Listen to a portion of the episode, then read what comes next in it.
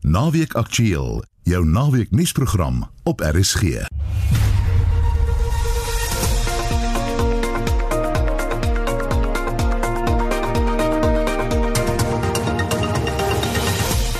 Goeiemôre in ons program. Ons ontleed die jongste kwartaallikse misdaadsyfers. Die Vryheidsfront Plus sê selfbeskikking is 'n politieke opsie vir die Wes-Kaap. Die afgelope 12 maande het die hele opwelling vir selfbeskikking baie sterk na vore gekom in Suid-Afrika in die algemeen, maar in die Wes-Kaap spesifiek ook baie sterk. En die Twee Oseane Aquarium vier sy 25ste bestaanjaar. Ons het so om bietjie meer as 10 miljoen mense al gehad wat deur die aquarium gekom het. Die span in die ateljee is redakteur Jean Estreisen en produksieregisseur Lewona Bekes. Ek is Marieta Kreer en onthou gerus, vorige uitsendings is beskikbaar op potgooi by rsg.co.za.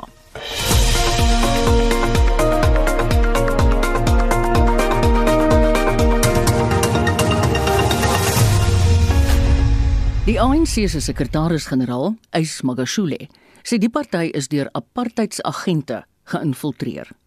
Het gister vlugtig in die Landdroshof in Bloemfontein verskyn. Sewe ander verdagtes en vyf maatskappye word ook betrek by die beweerde onregmatige toekenning van 'n asbes-audit ter waarde van 225 miljoen rand. Magashule sê slegs as die ANC takke vir hom sê hy moet op sy staan, sal hy dit doen. I will respect the voices of branches. If branches say I must step aside, I was elected by branches at conference. I will go back to a special conference and the branches must say to me, Comrade Espagashule, step aside. I will then do so because it will be coming from the basic unit of ANC, the branches which voted for us at conference. Nobody and nobody can remove us. Magashule is op borgtog van 200 000 rand vrygelaat. Hy is ook verbied om kontak te maak met sy voormalige persoonlike assistent, Moroadi Chalotta, wat nou 'n staatsgetuie is. Die woordvoerder van die nasionale vervolgingsgesag, Sipon Gwema, sê die staat is gereed vir die verhoor en dat 'n datum waarskynlik tydens die volgende hofverskyning bepaal sal word. As much as we are ready to proceed for trial, we just need to make sure that uh, besides the appearance today, we bring in uh, at least three more other accused so that by the time we come back in February, we're able to get a high court date and we proceed with the trial. Transferred to which date will they be transferred to again? Die DA in die Vrystaat sê die inhegtenisneming van Magashule is 'n tree in die regte rigting. Die party het in 2015 die Hooggeregshof in Bloemfontein genader oor die asbestender om verdagte betalings te stop, maar die aansoek is van die hand gewys omdat dit nie as dringend beskou was nie. Daarna het die party die openbare beskermer betrek. 'n DA-lid in die Vrystaatse wetgewer, Leona Kleinhans, het die jongste verwikkelinge verwelkom. Ons is vandag hierso want ons is baie bly dat Ysmagashule nou uiteindelik voor die reg gebring is. Almal is bewus van baie baie aantuigings teen hom in die Vrystaat. Ons weet ook van ander klagte wat teen hom gelê is. So vandag moet hy nou hier verskyn. Dit is die begin van die proses waar hy voor die reg moet verduidelik vir sy aksies in die Vrystaat. So dit is vir ons 'n groot verligting dat ons tot hier gekom het nadat ons sedert 2015 al beklei vir hierdie dag. Die ANC se woordvoerder, Pule Mabe, sê Magashule is 'n wetgehoorsame burger. The SG has said even from the very beginning that uh, he will cooperate fully with the processes. Such was confirmed by the prosecution on behalf of the state that uh, from the very beginning the Secretary General has been cooperative of the whole uh, process, working with the state, being able to provide whatever information necessary. So For now we understand that the SG remains innocent. Magashule en sy mede-beskuldigdes moet weer op 19 Februarie volgende jaar in die hof verskyn. Die verslag van Apumelele Mtlalane in Bloemfontein en ek is Anne Marie Jansen van Vuren vir SAK nuus. Is ingeskakel op RSG en dis die program Naweek Aktueel. Pogings tot moord op Suid-Afrikaners het gedurende Julie tot September vanjaar toegeneem, hoewel die algemene moordsyfer met 300 gevalle afgeneem het. Tog erken die minister van Polisie, Bekkie Cele, dat die 5000 moorde wat in hierdie tydperk gepleeg is, steeds te veel is. Die kwartaallikse misdaadsyfers is gister in Pretoria bekend gestel. Volgens die syfers het die aantal verkrachtings en seksuele misdade effens afgeneem. Vir meer hieroor praat ons nou met 'n onafhanklike misdaadontleder en voormalige hoof van die polisiediens se misdaadontledingssentrum, Dr. Chris de Kok. Goeiemôre Chris. Goeiemôre. Is daar enige iets in die syfers wat bekend gestel is wat jou verbaas het? Ja, daar is nogal heelwat. Kyk, die die die die die die die dalings wat ons gehad het in die eerste kwartaal van die jaar, dit wil sê uh April tot uh, Junie was daar geweldige dalings as gevolg van die ek wil amper sê abnormale omstandighede mm. wat geskep is deur COVID. Uh die lockdowns en al daai goeters. Uh en toe in hierdie kwartaal wat nou waar daar nou minder van hierdie uh, uh wat nou meer normaal begin raak het, uh het die het die dalings, daar's nog steeds goeie dalings uh wat in aan al die statistiek behalwe die wat jy genoem het van poging tot moord en uh en en en um uh kapings van uh, trokke en die uh uh kontante trafiekerowe maar die ander is groot dalings, mm. maar hulle is baie kleiner as in die eerste kwartaal. Mm. Mm. En dan 'n baie belangrike ding wat ek raak gesien het uh, in my bietjie ontleding van gister af, is dat byvoorbeeld as jy nou vat die 3 maande van die kwartaal. In die eerste maand by meeste van die misdade het jy het jy dat die syfer baie laer is as die soortgelyke ooreenkomstige maand verlede jaar. Dan in die tweede maand dan kruis die lyn. Dit wil oh, ja. sê die tweede maand het jy amper 'n soortgelyke uh, hmm. syfer, maar dan in die derde maand, dit wil sê in September, het jy nogal aansienlike sty, uh, da, uh, stygings. Kom ek noem byvoorbeeld carjacking, as alhoewel hy oor die 3 maande daal, het jy 'n uh, 'n motorkapings het jy 4% stygings. Huisroof het 'n geweldige uh stygings van 22,3% in die derde maand. Jo. Uh en dit is dit is baie kommerwekkend. En dan trokkaping, alhoewel nou dit nou klein syfers is waarmee 'n mens werk en jy bietjie versigtig moet wees, is trokkaping se toename 85,6%. Mm.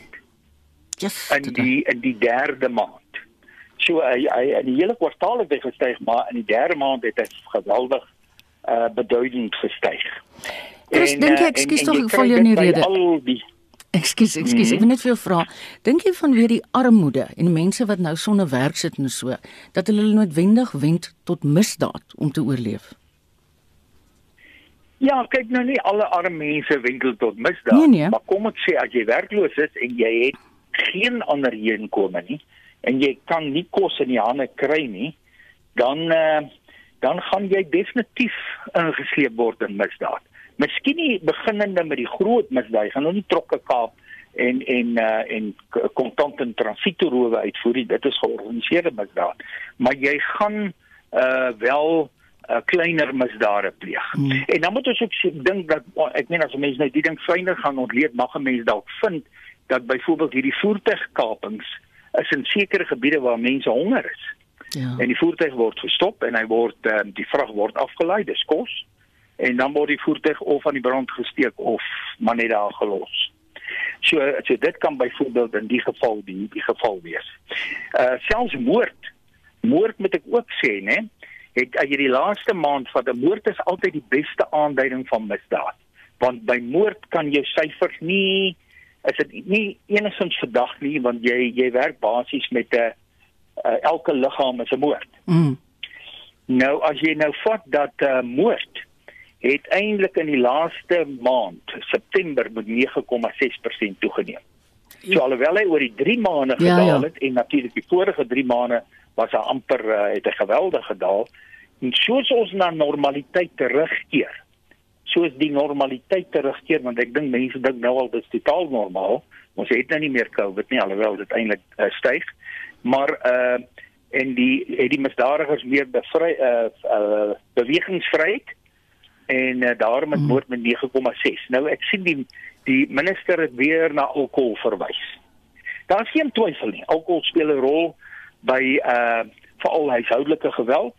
Uh en en jy weet waar mense sit en saam drink by 'n shebeen of mm. by 'n tavern uh taverne kan jy kry dat hulle begin beklei en dit was eintlik maar net 'n bekleierery maar on, ongelukkig eindig dit in 'n moord. Want hy haal 'n mes uit en steek hy aanhou dood. Maar die daar's 'n baie duidelike teken en dis 'n baie interessante en 'n baie belangrike verwikkeling. In hierdie hele jaar is daar 'n duidelike verskywing en ook al verlede jare dit begin dat jou rowe jou uh uh reaksie op rowe wat uh uh vigilantisme is. Uh die die die die uh so jammer, jammer vir al die Engelse Nee, nie dit reg. Uh mob violence. Dit is 'n reaksie op roof. Hmm. Dan jou uh jou bende geweld in die Weskaap maar ook in ander gebiede. En daardie tipe ding, taxi geweld.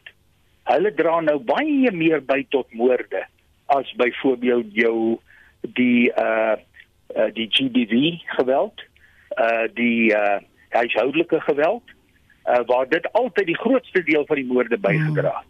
Kry ons nou 'n verskywing na byvoorbeeld moord onder roof, uh, dit tydens roof. En ons kry uh taxi geweld wat aan die toeneem is en ons kry uh bende geweld wat aan die toeneem is. En ek dink dit is meer polisieerbaar. So die vraag is wat doen die polisie? Want dit is uh byvoorbeeld straatroof is baie beheerbaar deur die polisie. As die polisie in die strate is en duidelik sigbaar is, dan behoort daar baie minder straatrowe te wees. Jy het net nou genoem en dit skrikwekkend dat in die laaste van die 3 maande September dat die vragmotorkapings 85% toegeneem het. Hoe lyk die ja, syfer vir sorry 58 ek sê 58. Ja. Goed. Hoe ja. lyk die syfers in terme van transito rooftogte? die het ook in die hele periode gestyg en ook in die laaste uh in die hele in die laaste maand. Hy kyk transito rowe het uh uh transito rowe in die hele periode het gestyg met uh 60%. Hy van 40 goed is weer baie lae getalletjies. Hmm. Maar hy het van 40 na 64 gegaan. En wat interessant is is dat die kapings op die pad ja uh wat wat in Engels verwys hulle altyd na heis dis waar die voertuig gestop word mm. uh was altyd baie minder as die kapings oor sy paadjie waar hulle die trommel met geld of mm. die koffer met geld vervoer na die na die uh bank of na die winkel of na die ATM uh daar was altyd baie meer van hulle en baie minder want dit is baie moeiliker om 'n voertuig op die pad te ja. stop ja uh, hmm. tot stilstand te dwing en dan met plofstof op te blaas en so aan. Maar hy lê nou al baie gelyk met die oorsy paadjie rowe. Die die die die die, die transito rowe lyk eintlik sleg. Dit lyk eintlik sleg. Chris, het hulle enigsins na plaasmoorde verwys in die verslag?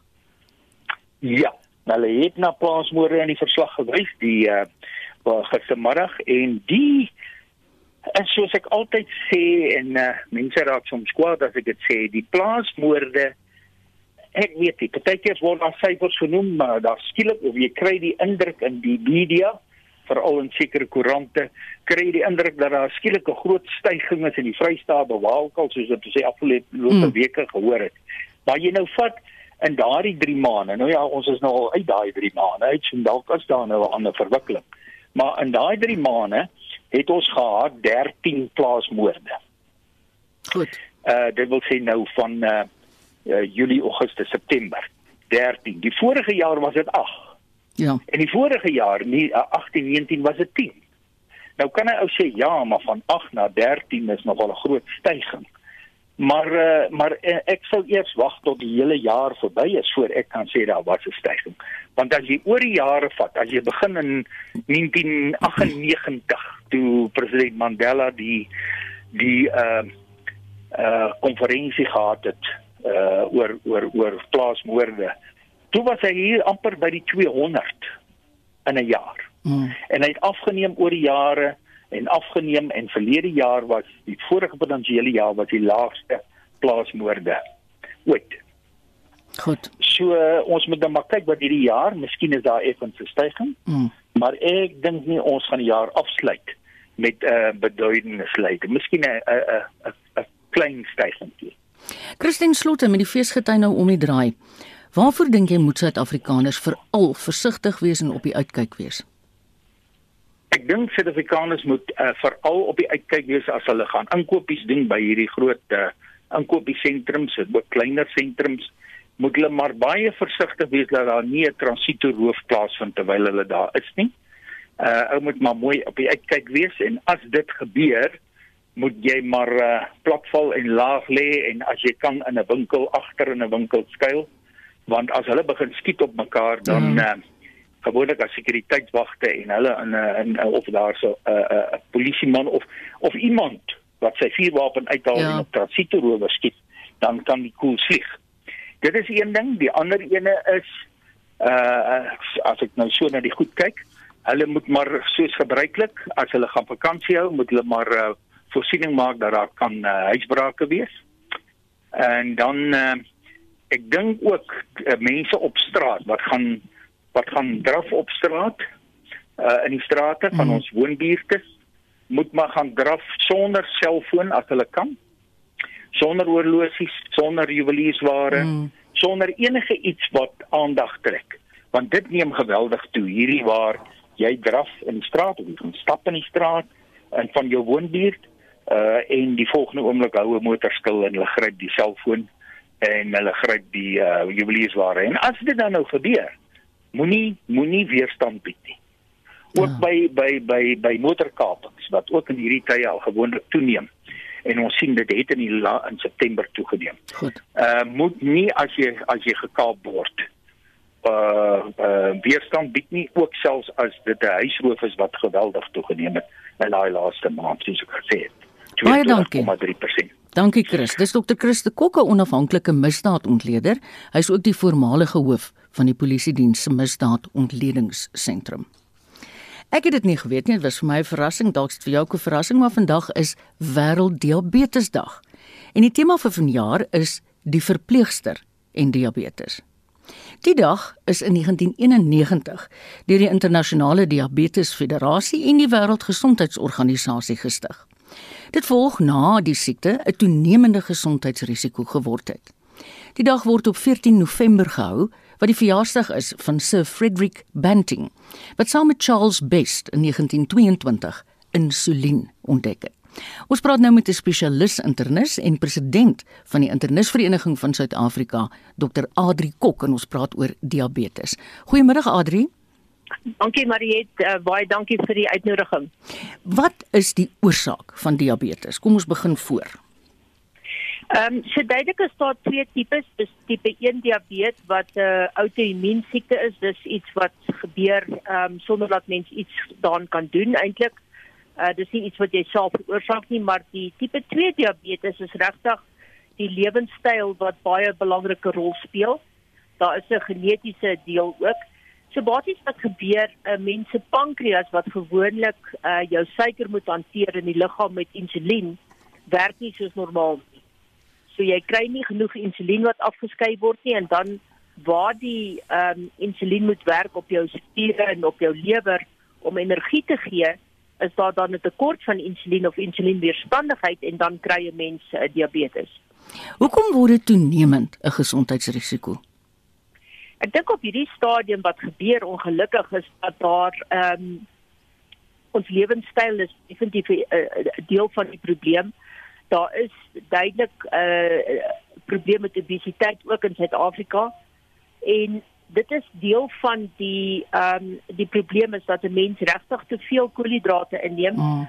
En dis die verkeerde tipe koolhidrate wat dan 'n risiko maak vir die, wat dan sal ook 'n genetiese aspek. So daar's baie keer ehm um, 'n familiegeskiedenis mm. en dit is 'n uh, onderliggende deel van van wat dan die risiko in in elke persoon uh, se lewe kan wees. So daai mense wat 'n familiegeskiedenis het, moet nog meer bedag wees op hulle lewenstyl wat hulle inneem en om nie oorgewig te raak nie. Kyk jy het net nou na tipe 1 en 2 verwys, maar hoeveel tipes diabetes is daar? Hoe verskil die spulletjie van mekaar? So die tipe 1 is gewoonlik jonger mense waar daar 'n immuuntekort is aan insulien, uh, die die uh, pankreas maak glad nie insulien nie en uh, dit is gewoonlik in jonger mense. Dan is daar tipe 2 wat die insulienweerstandigheid eers is en dan gaan dit oor in in 'n uh, uh, vol volle tipe 2 diabetes dan staan wat ons noem gestational of uh, diabetes wat in uh, swangerskap gebeur. Mm -hmm. En dan kry mens sekondêre uh, diabetes byvoorbeeld ouens wat jare gedrink het en die pankreas werk nie en dit is die oorsaak. So daar's nie 'n mm. uh, uh, genetiese deel nie. Dit is net omdat die pankreas dan ehm um, uh, beskadig is. Adri, wat is die simptome van die siekte? Waarvoor moet ons op die uitkyk wees? Ek dink die duidelikste is dat ouens dors voel en hulle uh, urineer meer, um, hulle sal baie meer water drink. En baie keer is dit um, jy weet vir al tipe 2 is is iets wat stadig uh, kan oor maande ontwikkel. Uh, tipe 1 diabetes is gewoonlik 'n dringende storie wat binne 'n uh, 'n paar dae die persoon baie baie siek kan maak omdat jy geen insulien het nie en uh, jy dan nie iets het om die energie in die liggaam te ehm um, uh, ontwikkel nie dat hulle vinnig in 'n in 'n selfs 'n diabetiese koma kan kom. Hm. So dit is die die tipe 1 is is gewoonlik iets wat uh, meer as 'n dringende uh, soort van uh, kliniese beeld uh, presenteer. Tipe 2 is nou hierdie stadige storie dat 'n ou dors voel, jy voel moeg.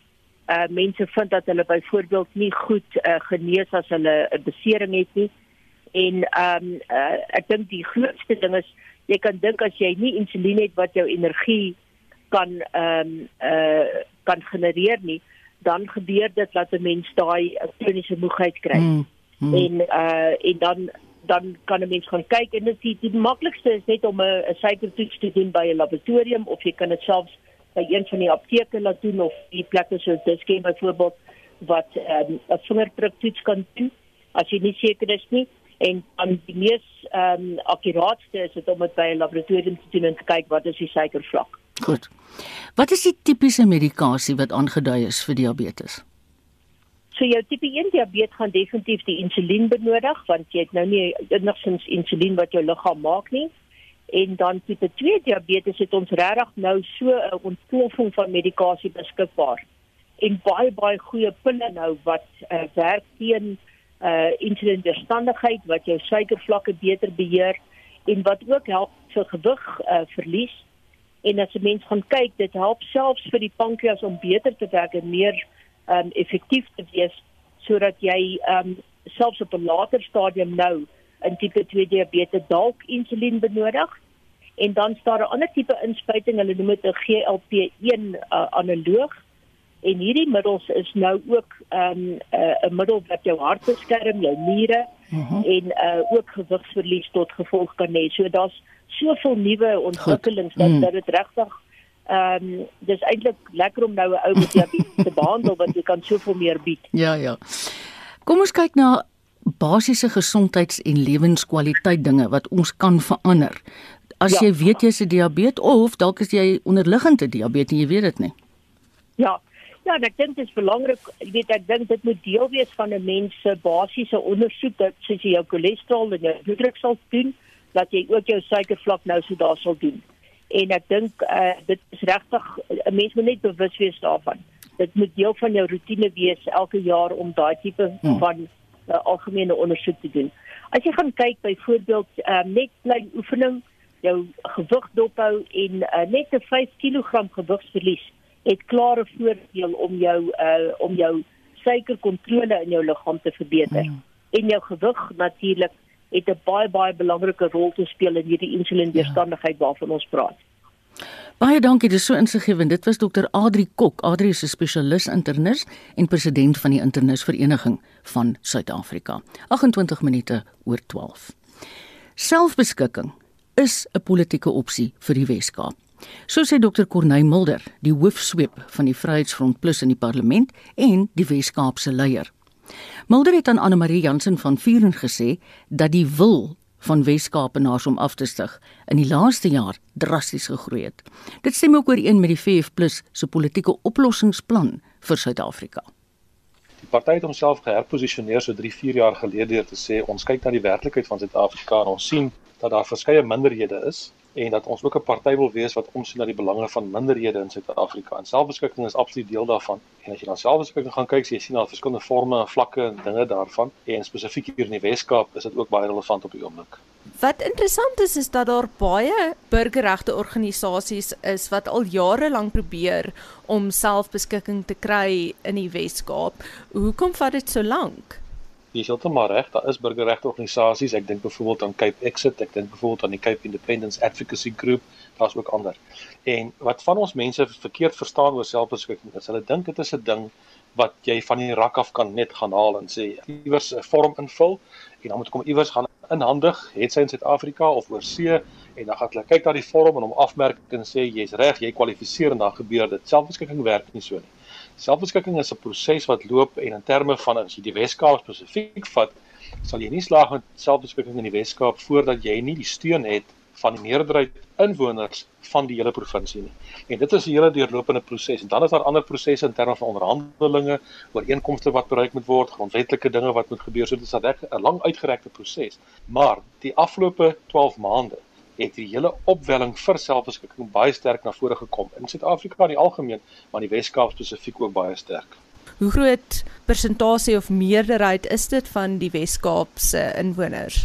Weskaap is uniek wat dit betref. Hy's anders as ander provinsies. As jy vat sedert 1994 toe die ANC aan bewind gekom het, het die ANC nog nooit die steun gehad van die meerderheid mense in die Weskaap nie. Hy's die enigste provinsie van Suid-Afrika wat dit die geval is. Om die werklikheid in 2019 verkiesing vat, het 71% van die kiesers wat gaan stem het, het gestem teen die ANC of ander politieke partye gestem anders as die ANC op nasionale vlak wat 'n baie duidelike aanduiding is. Dit aan die een kant, aan die ander kant het die afgelope 12 maande het die groei geweldig toegeneem. Byvoorbeeld organisasies soos Cape Exit wat om direk beywer vir uh, onafhanklikheid van 'n vrye Kaap is organisasie en hulle het in Maart van hierdie jaar het hulle 7000 lede gehad. En as jy praat van lede dan is dit nie soos op 'n Facebook groep wat iemand 'n like knoppie druk en hy sê ek like dit of wat ook al vir petisie teken nie. Hierdie as jy sluit formeel aan, jy voltooi 'n aansoekvorm en jy kry 'n kaart en jy word 'n lid van hierdie organisasie. In Maart maand het hulle 7000 lede gehad. Eergister het hulle getrek by 560231 lede waarvan 92% in die Wes-Kaap woon. En dit is 'n beduidende groot groepering wat 'n mens moet verreken. Jy kan dit nie ignoreer nie, jy kan nie maak of dit nie bestaan nie. Dit is 'n werklikheid. In Spanje is daar vir my 'n interessante voorbeeld van die mense wat in die streek Katalonië woon wat eintlik graag onafhanklikheid wil hê, maar die Spaanse regering wil glad nie vir hulle onafhanklikheid gee nie en baie ontleeders sê dit is omdat Barcelona in hierdie streek lê en dit is 'n groot ekonomiese inspuiting vir Spanje omdat so baie toeriste Barcelona toe gaan. Nou dit is presies die geval in Suid-Afrika waar soveel toeriste na die Wes-Kaap toe gaan. Dink jy ja. die res van Suid-Afrika en die Suid-Afrikaanse regering sal bereid wees om die Wes-Kaap te laat gaan? Dit sal 'n interessante debat afgee, maar die einde van die dag en dit is die hele kern van selfbeskikking. Is dit nie vir die ANC of die res van die land om te besluit of die Wes-Kaap se eie pad kan gaan en sy eie pad kan loop nie. En dit geld ook vir enige ander vorm of plek van selfbeskikking. Jy sien wat baie keer gebeur is is dat die nasionale staat keer ten alle koste dat dit gebeur en hy probeer mense kunsmatig forceer om deel te bly van hulle. Ons het die geval gesien met Skotland. Die Skotte wil lank al 'n eie pad loop onafhanklike Skotland daarstel en die Verenigde Koninkryk vanuit Londen probeer keer en later kan jy dit nie keer nie. Die druk is baie sterk. Mense wil dit graag hê. En dan kan jy verskillende dinge doen. Jy kan dit eenvoudig onderdruk soos wat China probeer nou in Hong Kong wat mense toegesluit word waar mense uit die Hongse wetgewer geskop is gister of jy kan maatreëls tref om meer magte te gee wat in Engeland gebeur meer devolusie van mag of nie wat in Spanje gebeur het met die Katalone wat verkeerd gegaan het is hulle grondwetlike bedeling maak nie voorsiening vir wat die Katalane wou gedoen het nie dit was ongrondwetlik en daarom is artikel 235 wat in ons grondwet is so geweldig belangrik dat ons grondwet gee erkenning aan selfbeskikking ook op territoriale gebied vir gemeenskappe wat daarna streef. Dan is 'n hele lange proses wat moet plaasvind en hoe mens daarby uitkom. As die Weskaap daardie pad suksesvol sou loop, is dit nie om in konflik te wees met die res en 'n onaangename situasie te staan nie. Ons dink dit is eintlik dalk eerder die antwoord waarna Suid-Afrika moet kyk. Ons betoon soveel lippediens aan diversiteit van Suid-Afrika, maar ons gee nie werklike deurslag daaraan nie en dalk vind ons dat gemeenskappe meer gaan tuis voel as hulle hulle eie besluite kan neem. As ek dit konkreet kan maak in die Weskaap, om watter rede moet Angie Motshega in Pretoria besluite neem oor wat ons onderwys raak in die Weskaap? Hoekom? Ons kan dit self doen. Om watter rede moet ons treinstelsel in die Weskaap in duie stort Maar Prasa met al sy moeilikheid in Johannesburg neem besluite oor hoe die treine in die Kaap moet hardloop. Maak geen sin nie. En dit is die hele gedagte van selfbeskikking om self te besluit op laer vlak naaste aan die mense. En as jy gaan kyk die opwelling, as jy vat hierdie 7 maande van van Maart maand af na waar ons nou trek, die groei van 7000 na oor die 500 000 mense, dan sê dit net jy het op 'n punt gekom waar die mense se houding is, die ANC wat hulle betref, het geen morele reg om langer oor ons te regeer nie. Hy het homself bewys as 'n korrupte spul wat absoluut nie die bevoegdheid het om dit te doen nie en mense sê ons wil ons eie ding doen en daai ding jy keer hom nie. Hy sê eers begin hardloop, as hy eers begin opwel, dan gryp dit die verbeelding van mense aan en as mense nie daarvan kennis neem nie, gaan hulle inwees vir 'n verrassing.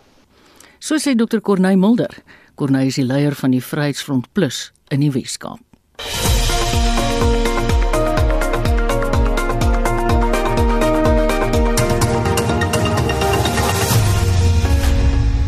Ja, soos ons net gehoor het, die vakansie is om die draai in ons weeklikse motorrubriek.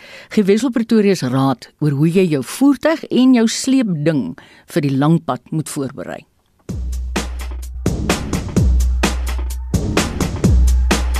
Baie luisteraars vat binnekort die lang pad vir 'n welkome blaaskans. Mens moet egter 'n paar dinge onthou.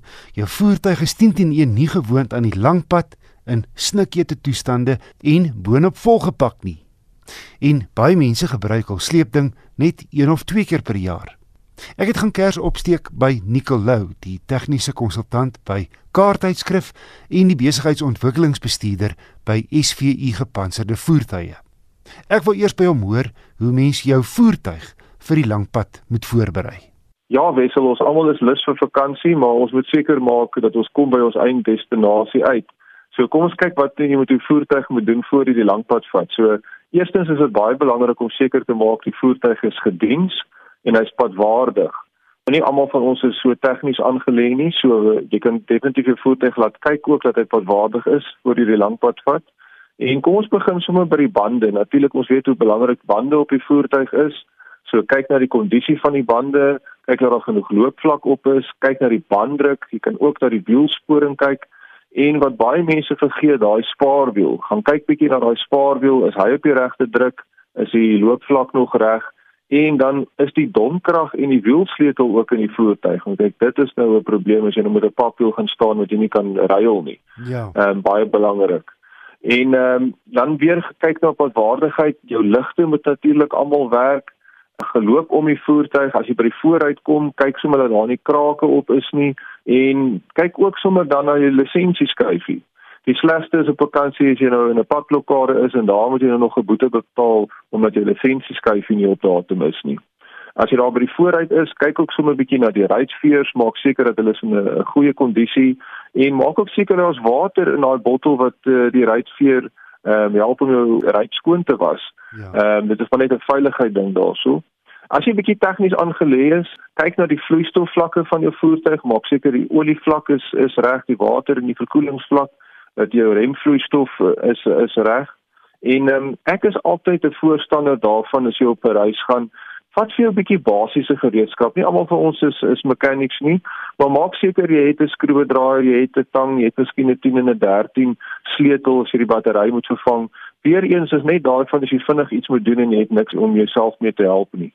Dan wil ek ook vir die mense sê, indien jy nou jou voertuig op die langpad wil vat, maar daai voertuig is eintlik een wat jy net gewoonlik in die stad ry. So jy ry kort ritte, jy ry jy laat die kinders by die skool af, jy kom terug.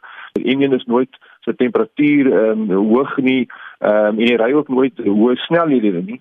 Voor jy op die langpad vat, vat die voertuig gou op die nasionale pad en ry so 10-20 km net om te sien is daar nie vibrasies wat deurkom nie, is die enjin se temperatuur korrek terwyl jy ry. Ehm um, as al die remme op daai hoë spoed is daar enigiets snaaks by voertuig nie. Maar die laaste ding wat jy wil hê is jy ry nou op die langpad, jy trek vroeg weg die oggend en kom jy agter o, tog ek het nooit agtergekom my voertuig het hierdie probleem nie want ek het net in die dorp rondgery. So dit is sommer net 'n tip daarso. En ehm um, iets wat ek ook altyd sê voor 'n mens op die langpad gaan, gaan maak maar jou voertuig vol brandstof vir aand voor die tyd. Uh ons almal moet families weet hoe moeilik is dit om jou familie en kinders en almal die oggend uit die bed uit te kry en in die kar te kry en die laaste ding is almal nou sit is o ons gaan nou eers brandstof ingooi so dis sommer net 'n 'n bietjie raad daarso. Nie alles baie goeie punte.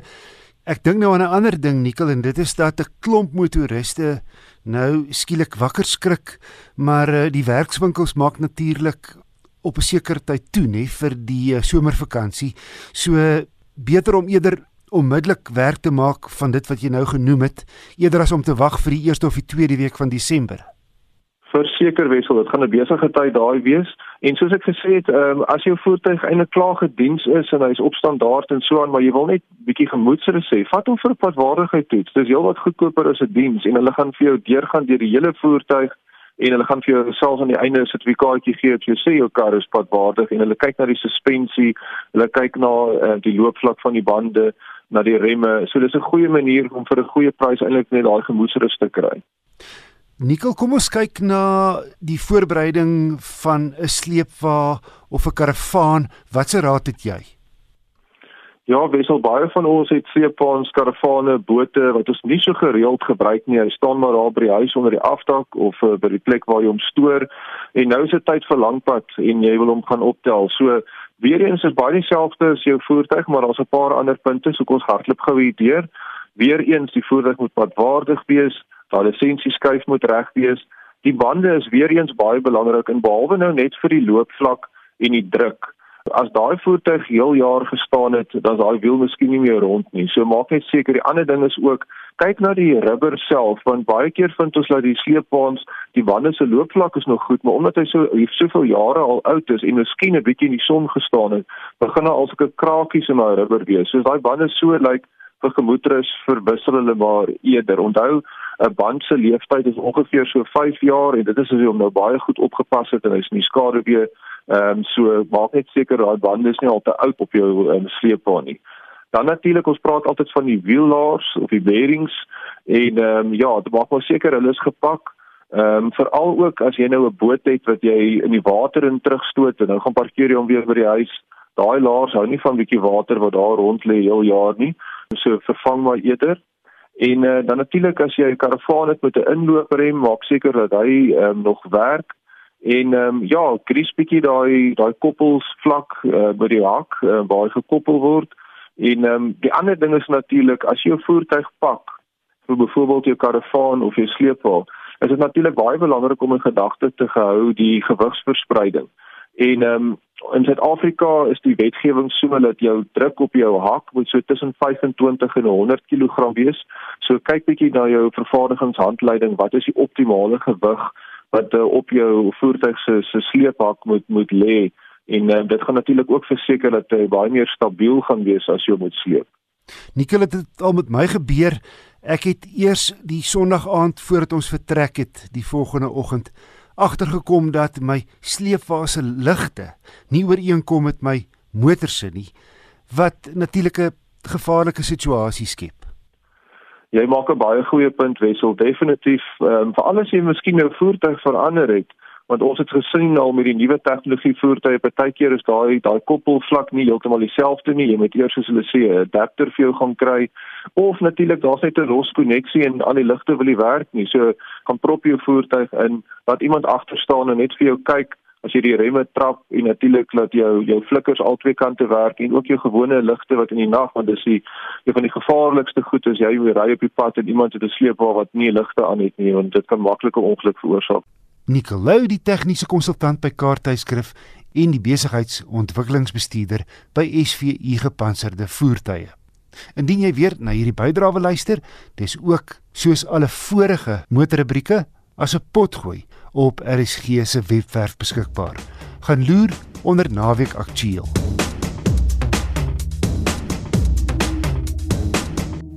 Dis op die kop kwart voor 1. Die twee oseane akwarium in Kaapstad het gister sy 25ste bestaanjaar gevier. Die akwarium by die VNA waterkant het sy deure in 1995 geopen en het sedertdien meer as 10 miljoen besoekers verwelkom. Die woordvoerder, Renay Leuner, sê die akwarium is steeds 'n gewilde toeristebestemming onder reisigers. Die akwarium was oorspronklik 'n 'n droom gewees van twee broers, die Staak broers, Maar hulle het 'n baie groot span gehad wat hulle baie goed bygestaan het en wat hulle saam mee gewerk het om hulle het internasionaal gaan navorsing doen oor verskillende akwariums en hoe daardie akwariums werk en wat gaan werk. Hulle het gekyk na die ontwerpe van die akwariums en toe het hulle op die 13 November 1995 het die Two Oceans Aquarium oopgemaak. En ja, ons is in privaat besit, dis nie 'n regeringsinstansie nie. So vir die laaste 25 jaar het hierdie ikoon in Kaapstad gegroei op sy eie stoom en um, ons is baie baie bly oor al die mense se jy weet se ondersteuning wat ons oor die jare gehad het. Ons het so om bietjie meer as 10 miljoen mense al gehad wat deur die akwarium gekom het en so om en by 6 miljoen van daardie uh, mense was um, almal van die omgewing so of Kaapenaars om Suid-Afrikaners ten minste. En watter tipe see diere is by die akwarium te sien? By die akwarium fokus ons meestal op die diere wat jy rondom die Suid-Afrikaanse kuslyn sal sien. So as jy praat van die warmer water so in die ooskus dan kyk jy na diere wat helde kleure het, maar daar's minder van hulle en jy noem dit die biomassa. So kom ons vergelyk die snoek hoeveelhede rondom die Weskus en dan een of twee tropiese visse wat jy op 'n op 'n rif sal sien in die Ooskus. So die biomassa van die snoek is groot want hulle swem in baie groot skole terwyl die diversiteit op die rif baie groter is, maar daar's meer individuele diere en ons fokus meestal op die verskillende diere van daardie twee kuslyne. Natuurlik het ons ons pikkewyne, die uh brilpikkewyn, wat die enigste pikkewyn spesies is op die Afrika kontinent en dan ons haie, kelp, jou seewiere. Sê vir ons watter soort bewusmakingswerk fokus julle op? So die akwarium se fondasie is bewusmaking, om bewaring, rehabilitasie en om mense te leer van die see. Um ons groot ding is om seker te maak dat mense 'n koneksie het met die see want as jy iets ken en jy verstaan en jy is lief vir daai ding, sal jy daarna om omsien. En dit is vir ons baie belangrik om vir mense te leer en te help om te verstaan waar hulle plek in die ekosisteem is want as ons nie 'n gesonde marine ekosisteem het nie, gaan ons nie 'n gesonde land ekosisteem hê nie. En sonder gesonde land ekosisteem kan ons as mens nie bestaan nie. Om dit meer na mense tuis te bring, kyk ons baie na plastiek in die oseaan en en sowel as die hoeveelheid vis wat gevang word vir menslike en mens en dier se se inname. Hoe het die inperking en die COVID-19 pandemie die akwarium se finansies en werksaamhede geraak? 2020 was tot nou toe nogal 'n interessante jaar vir die akwarium. Voor die tyd van inperking begin het, was die akwarium nog net eendag toe in in die 25 jaar se bestaan en dit was reg aan die begin het ons ons eendag vir Kersdag toe.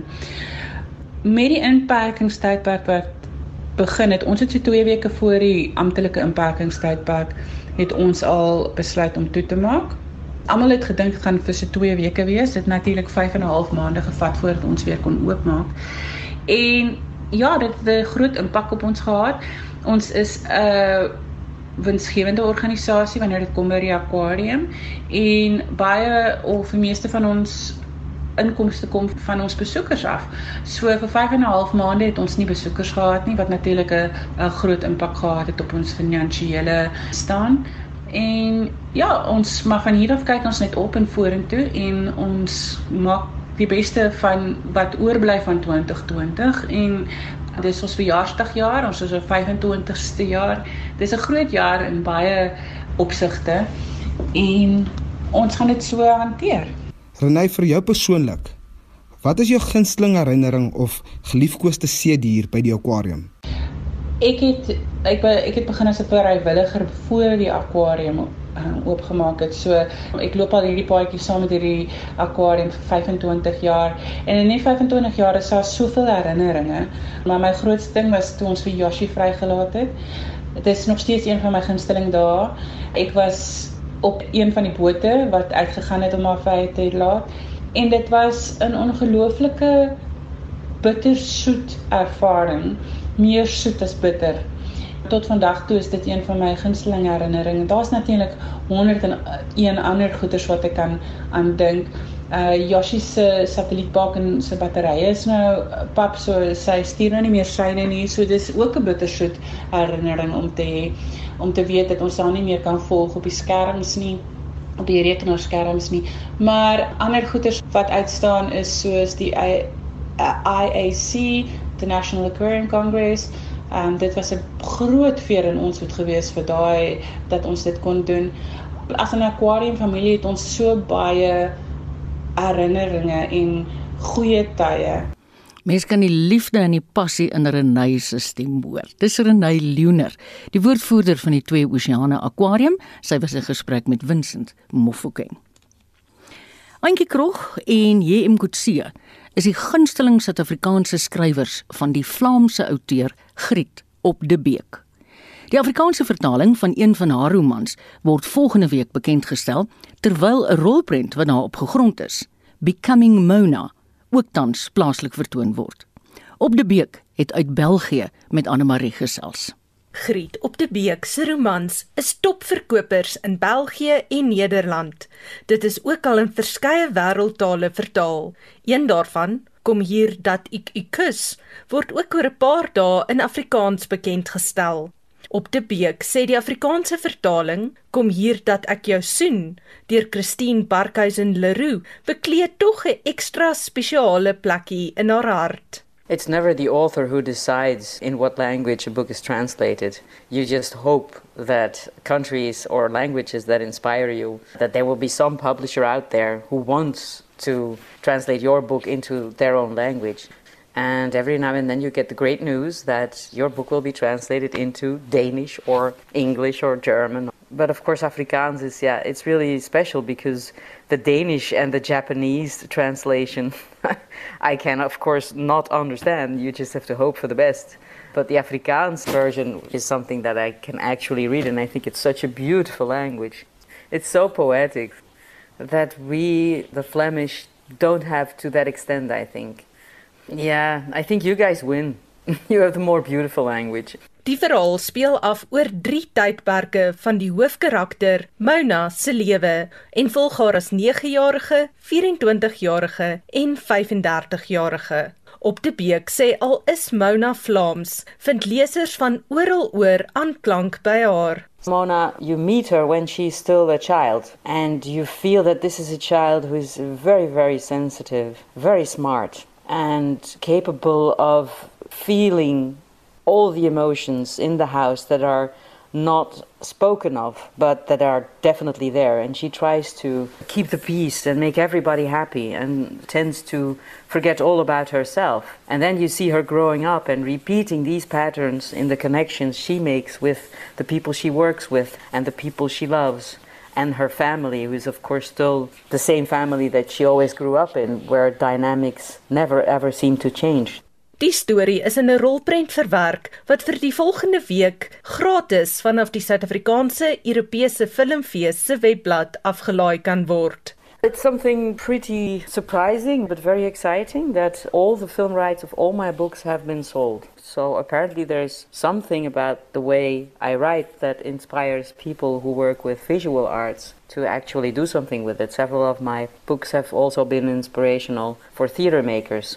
So, what makes this one different? I'm just very, very fortunate that really interesting people like Niels van Koevoorde and Sabine Lubbe have been drawn to this story because they're very extraordinary filmmakers. They made documentaries in the past. This was the first time that they decided to make a fiction film. And they worked sort of in the same way that they would do when they were making a documentary. They didn't have like a set script, they made sort of an adaptation of the book and presented that to the actors but when they actually decided to start filming every day again, these people could improvise all the time. So this gives a sense of authenticity to the movie that I think is a wonderful translation of what I try to do in the book. It's the best film made as far as I'm concerned so far. Van de Beek kan nog goed onthou hoe sy gevoel het toe sy die rolprent Becoming Mona die eerste keer gesien het. Yeah, the very first time that was really a marvelous experience. The three of us sat in a completely empty cinema. And I watched the film, and the first couple of minutes, I had goosebumps all over. It was so powerful, so emotionally charged. I was blown away by it. And when the film was over, they were both looking at me like, and, and, what are you thinking? I actually couldn't speak. I asked them if it was okay that I went to the bathroom first to compose myself and be able to rationalize all the emotions I experienced while watching it. It's not an autobiographical novel, but it's very close to my heart. It's, it's very, very personal. Wij moeten iets uh, vertellen. vertellen ja. ja. Als hij is toch niet meer mama? En alles is in orde. Dalk kyk jy die rolprent, dalk lees jy die roman, of dalk hoor jy nooit weer van Mona nie. Op die beek wil net hê dat elkeen die boodskap daar agter ter harte sal neem.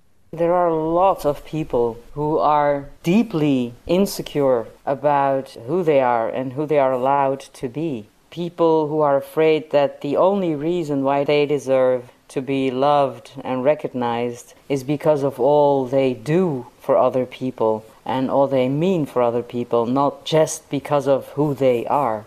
I think that's a pretty recognizable universal feeling for many, many people, especially when things have gone wrong in their childhoods with parents who, for whatever reason, weren't capable of loving them unconditionally. I think Mona shows how these things can unfold in a life without actually taking you by the hand and shoving it down your throat. Eh, we leave it up to the audience, both the film and the book do.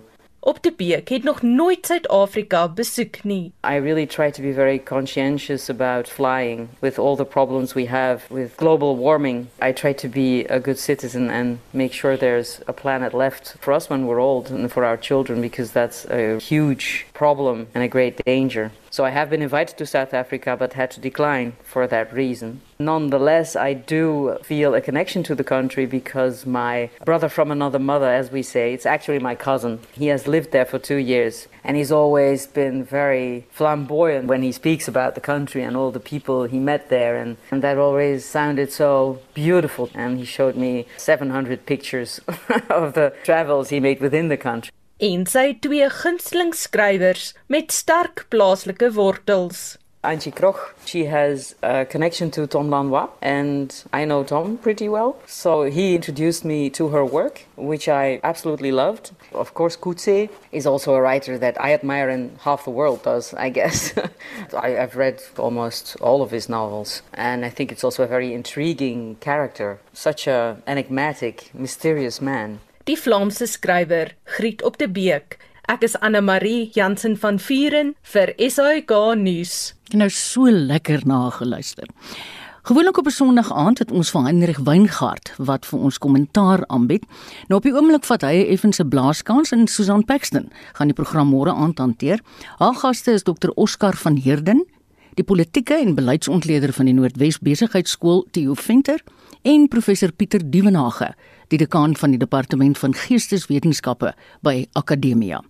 Skakel gerus môre aand van 8:00 af aan vir al hulle indrukke van die afgelope week se politieke gebeure. Landbou kan voortaan direk by die nasionale energiereguleerder van Suid-Afrika aansoek doen vir 'n selfopwekkingsfasiliteitslisensie van meer as 1 megawatt. Nicole Jansen van Agri SA verduidelik maandagooggend op RSG Landbou wat die proses behels. Ons gesels met 'n Brahman boer van Limpopo, Robert Mapola, dan werp Theo Boshoff van Agbus lig op die doel van die onteieningswetsontwerp. Ons hoor ook by Heinrich Victor wat het met ons jongste Sybokhaarpryse gebeur. RSC Landbou maandagooggend om 05:30. Namens Jean Esterhuizen, vandag se redakteur, die produksieregisseur Lewona Bekes en myselfs Marieta Kreer, hoop ek jy gaan die res van die naweek in die geselskap van RSG geniet. Ons sluit aan by Estie vir die enige nuus.